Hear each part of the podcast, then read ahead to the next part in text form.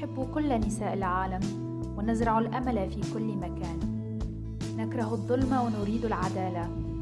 انضموا إلينا للاستماع إلى حكايات نساء قضايا نسوية قصص حقيقية من شمال إفريقيا والشرق الأوسط. انضموا واستمعوا إلى بودكاست حليمة. عسلامة أنا ندى وأنتم هتسمعوا في بودكاست حليمة. بون الكلمات هذوما هما الوحيدين اليوم باش نحكيهم بالعربي باقي حلقة باش يكون بالانجلي باش نفسر لكم ديجا علاش من بعد آه، علاش باش نحكي كان بالانجلي So, you know, I have promised in a previous episode that I'm going to practice separating the English and Tunisian languages when I talk. Yes, I said Tunisian language and not dialect. Yes, I know the difference between a language and a dialect. Then why I'm saying Tunisian language then? Well, that's a different topic for another day. I know I said I'm going to try to speak in Arabic more and more often, but today's topic is kind of sensitive. You want a hint? Well, I'm gonna spell sensitive for you. M A S T U R B A T I O N. Yes, masturbation. And because in a perfect world, it shouldn't be a sensitive topic to talk about. And because in a perfect world, it shouldn't be a sensitive topic for a woman to talk about. And because in a healthy and balanced world, it shouldn't be a sensitive topic for an Arab woman to talk about. I'm going to speak mostly in English. Not because I'm ashamed, because I'm here and I think we are over that by now. It's because I often use English to detach myself from me. If I utter the words in my native language, they might hurt a bit more than I would want them to. I'll use English to shield myself and to facilitate the verbal detoxing that I'm about to do right now. So, masturbation.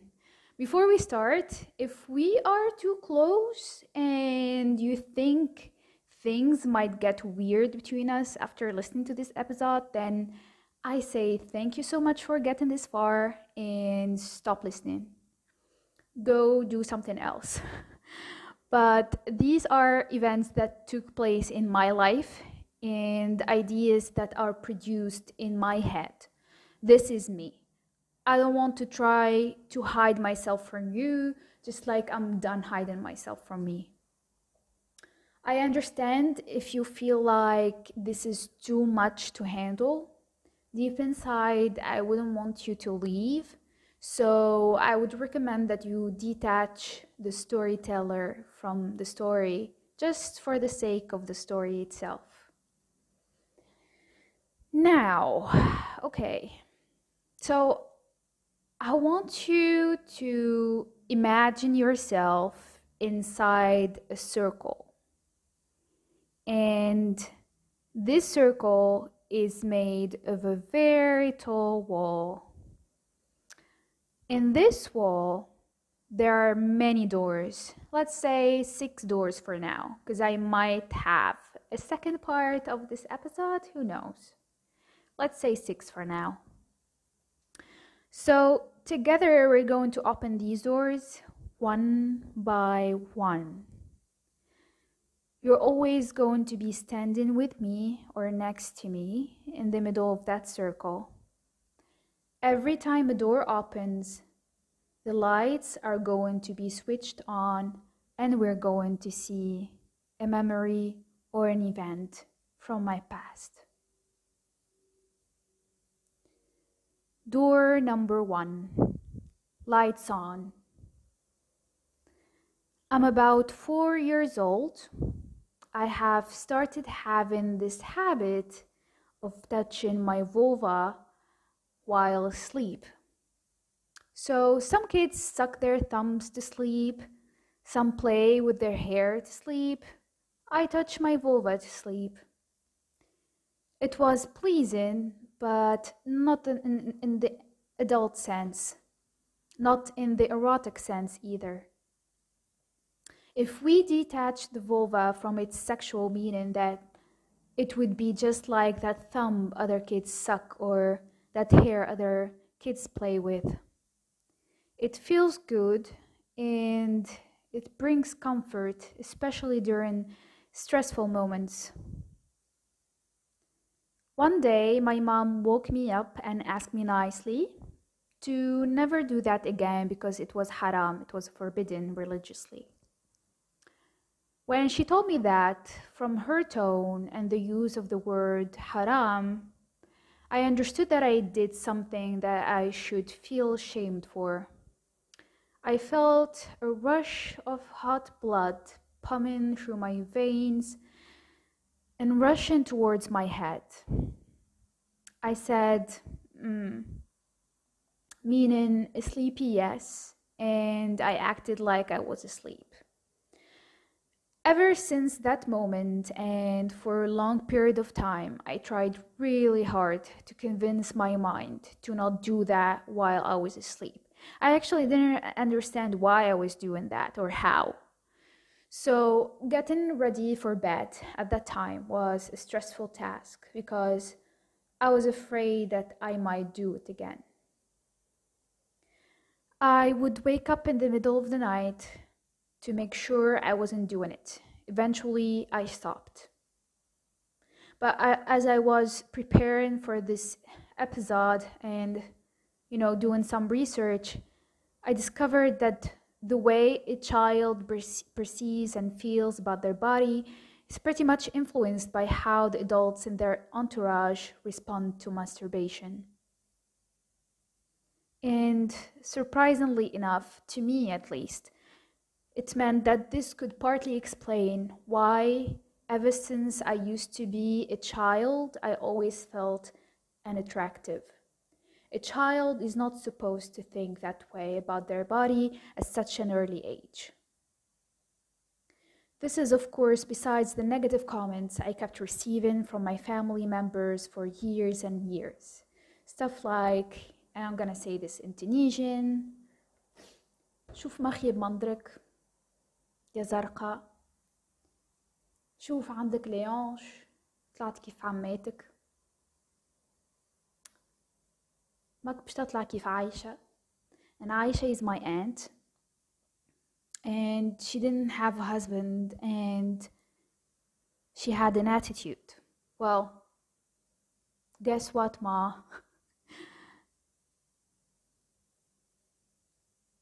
well before taking a look at what resides behind the other doors it's worth noting that a person's sexual development starts from age zero, and that by age nine, a healthy child should know all the basic facts about sex, pregnancy, conception, etc. And when I say sex, I'm talking about it as a concept detached from its erotic sense. If children are allowed to masturbate in the absence of negative messages, they are more likely to become sexually happier as adults. Yes, to sex education classes in schools in Tunisia. I'm going to take the opportunity to loudly say that. Lights off. Moving to door number two lights on. Well, here I'm in second or third grade, I'm not sure. I can remember the whole scene and the school and the classroom very vividly, but I cannot remember which grade exactly. So it's worth noting also that I hated the majority of my teachers back then. I'm making such strong statements here. So there were particular ones who made me feel stupid and unworthy, and trust me, these particular ones, they even mistreated other kids in my class more than they mistreated me. So I have always felt and thought that my number one bully were my teachers. So I was sitting at my desk one day and the teacher gave us a math problem to solve. I was feeling bad, I was feeling stupid, I was feeling stuck. I started masturbating, yeah, in the middle of class, to make myself feel better. At that moment, it still wasn't a sexual act to me in its adult sense. It was spontaneous. I probably didn't know what I was doing. I never saw anyone do the same act in front of me before. From what I remember, I wasn't masturbating to orgasm. All what I knew is that it made me feel better and I needed to feel better at that time. But I also knew it was perceived as a bad thing and I needed to do it discreetly, and that's what, it, what happened back then. Lights off and moving to door number three. Lights on. So, the older I got, the more guilty I felt about masturbating. My body had needs and urges that I couldn't understand and couldn't make sense of. And my mind kept making me feel guilty every time I finished. Even when doing it, I never feel or touch myself. I never knew how I looked like down there until I was about 25 years old. I was obeying my body's needs, but with much resistance and much denial of the organ that I had between my legs. I didn't know how to do it properly, how to perceive it, how to accept it. I was confused for many, many years. I couldn't be open about it nor talk about it to anyone. At some point, I thought I was the only one feeling like that or the only one having these urges. I thought there was something wrong with me. How much did I need sex education from 1 to 10? A million, right? Lights off, door number 4, lights on. Rarely had I met females who admitted that they masturbate. I can't think of anyone who was open about it during our private girly chit chats. I mean, until the age of maybe 26, and even then, I remember me always taking the first step towards casually talking about it in an attempt to normalize it not, not only to these girls from my entourage, but also to myself in an attempt to actually finally be able to accept it. The majority of these would talk about anything and everything sex, disgusting stuff, depending on what disgusting means to everyone, haram stuff, forbidden stuff, you name it, but not masturbating. Those who know my young and more naive version would understand if I tell you that I believed them. And back then, this only reaffirmed the idea that there was something wrong with me, literally. How did I get empowered to casually mention it? Well, it's thanks to a researching process, consuming a specific type of content that actually helped me to get all my answer my questions answered. Like all the type of questions that i would never dare to ask anyone or even ask myself. Lights off Door number five, lights on. Well, eventually I stopped masturbating for religious reasons. I was wearing the veil back then, so I decided to tame my beast. Even though I used to pray ever since I was a little girl, but with the veil, I felt like I took a step deeper into religion. And because I used to perceive the pleasure that masturbation brings me as a sin, it had to go. It was really hard to quit cold turkey and forever. And of course, in my case, this forever lasted for a couple of years only. But this quitting had multiple negative long term consequences afterwards. Negative effects on the way I perceived sex, the way I perceived my body, the way I perceived and interacted with the other. We will talk about that in a, in a different episode because it's a big topic that should be dealt with separately. But yeah, when when I stopped, I started to have wet dreams heavily and frequently. And every wet dream felt like a punishment. It was followed even by nightmares and anxiety attacks when I wake up. It was horrible. I would wake up every time feeling nothing but guilt and shame, feeling unworthy of God's love. I simply wanted it to stop. And of course, it never did. Lights off, last door, for this episode at least. Door number six. Switching the lights on. As I mentioned before, it takes a lot of time, work, and patience to overcome the trauma residues I used to carry with me about my body and the act of masturbating. There are a lot of types of pleasure that you can get from spending some alone wink wink time with yourself once you rid yourself from all the prejudice and untrueness that is related to this topic. Thanks to getting exposed to raw and empowering stories that I found on social media that were shared by other women. I got transformed from an ashamed person to a woman owning a vibrator.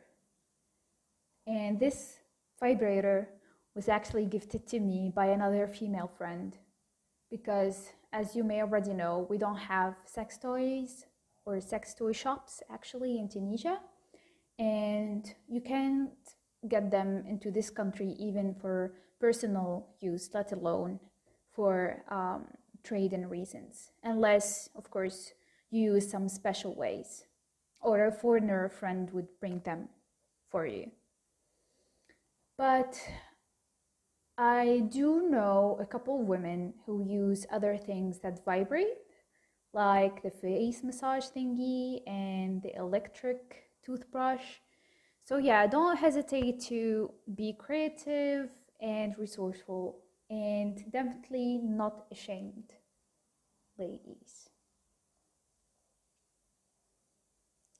So, I, I guess this is the end. We have come to the end of this episode. And this has been my journey from masturbating in shame to owning a vibrator from age zero to age almost 31. I'm sharing all these stories with the hopes that more and more people would start embracing the idea that this is all normal. You are normal. Throughout all of those years, we were simply manifesting ourselves and our sexuality. If anything, we were our truest selves when we were kids. And now, whenever I try to understand one part of myself, I try to dig deeper in my past as a child, and this proved to be very efficient on many occasions. So, go on, find your inner child. Is the only person who would answer all your questions in much spontaneity and empathy. Throughout this episode, I got the chance to learn and read more about this topic. It hasn't been easy. I have been preparing this piece for almost a month now. My anxiety levels get triggered multiple times whenever I open my document and start typing, or whenever I think of the idea of me recording myself talking about this topic. But I do realize that it's a process that I needed to go through to be able to meet the light at the end of the tunnel. I needed to dig into a lot of my past traumas to be able to start reconciliating with my body and sexuality. And if you are in my shoes, I hope this process would do the same to you too. I hope most I have mostly learned that it's okay if we didn't get the chance to have a healthy sexual life from age zero. It's okay if our parents didn't know any better. We can still parent ourselves. We can still be the parent we always needed. So please don't forget to show Halima some support by following me on Instagram, following my podcast, reaching out with feedback or topic ideas, or sharing your favorite episodes with your friends. Thank you so much and talk to you soon. Bye.